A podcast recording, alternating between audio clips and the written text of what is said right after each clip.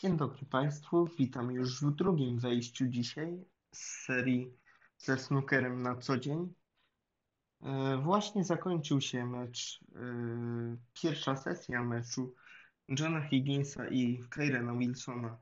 Po ośmiu partiach e, John Higgins prowadzi 5-3, a ja jestem po to, żeby tym, co nie oglądali, powiedzieć, jak do tego doszło, albo tym, którzy oglądali, a chcą sobie przypomnieć, jak to wyglądało, służę pomocą. Przez pierwsze dwie partie w ogóle nic do powiedzenia nie miał e, Kyren Wilson.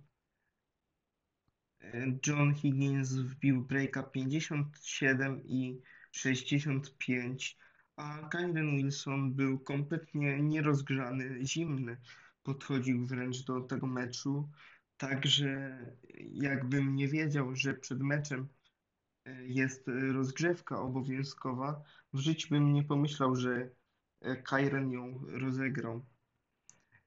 E, Sytuacja utrzymywała się e, w ten sposób do wyniku e, 4-1. Do przerwy było 3-1 e, po, po czterech partiach. John Higgins właśnie tak prowadził i w każdej partii e, był w zasadzie break 50-punktowy z wyjątkiem partii czwartej właśnie, gdzie, gdzie miał Kyren Wilson e, mnóstwo szans, podejrzewam 4-5 szans na to, żeby e, zakończyć ją zwycięsko i w końcu udało się e, dopiąć kropki nad i i to zwycięstwo jeden frame ugrać.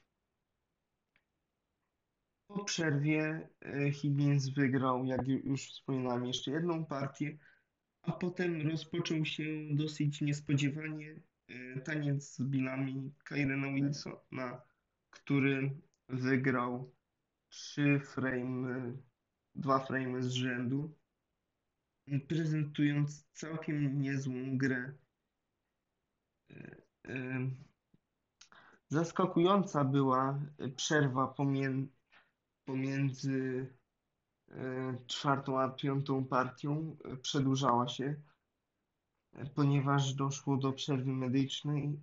Kyren Wilson dostał nieprzewidzianego mm, krwotoku z nosa i niestety to się przyczyniło do tego, że przerwa była dłuższa. Nie wiem, czy to, na ile to wpłynęło na nastawienie do meczu Kynena Wilsona, ale fakt jest faktem, że nie wykorzystał on e, potem swojej szansy. W ostatniej partii sesji przegrał 44 do 56, pomimo tego, że miał łatwą czerwoną do kontynuacji, w zasadzie stojącą na wprost.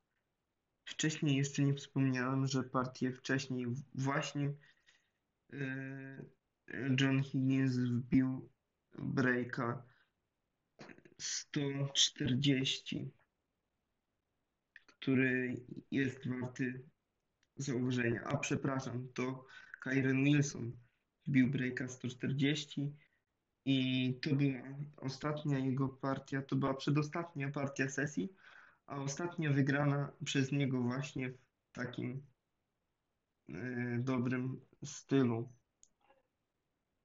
Mm, Teraz chciałbym poświęcić ze dwie minutki na przewidzenie tego, co będzie się działo wieczorem. Znowu taki mecz, o którym można powiedzieć e, starcie e, młodości kontra doświadczenia, bo Barry Hawkins zmierzy się z mm, Barrym Hawkinsem. O ile mi wiadomo, o ile patrzę dobrze w statystyki, e, nie spotkali się jeszcze ci dwaj panowie w Mistrzostwach Świata, a co dopiero w takiej zaawansowanej fazie. Także w sumie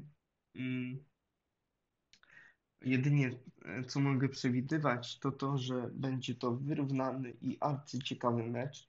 bo obaj panowie prezentują, prezentują, przepraszam, bardzo wyrównany mm, poziom w tym turnieju. Barry Hawkins e, był w finale w 2013 roku, przegrał z Ronim O'Sullivanem 14 do 18. Williams natomiast był dwukrotnym mistrzem świata, ale to już zamierzchłe czasy, no i nie do wiary. Może po 15 latach wciąż ma szansę na to Mark Williams sięgnąć po tytuł mistrza świata. Czy tak się stanie? Zobaczymy. E, Ja już teraz wybiegam nieco w przyszłość i jakby mówię, że gdyby do takiego e,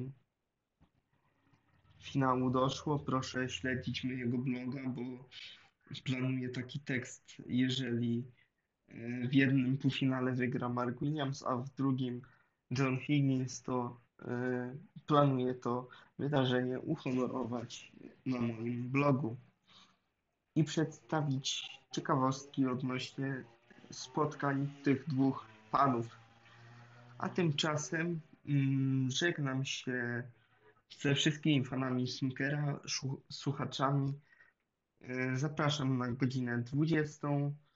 E, Zobaczymy, kto lepiej wytrzyma, e, kto lepiej wytrzyma trudy tej pierwszej sesji. Wiem, że w Mistrzostwach Świata jest bardzo ważny początek.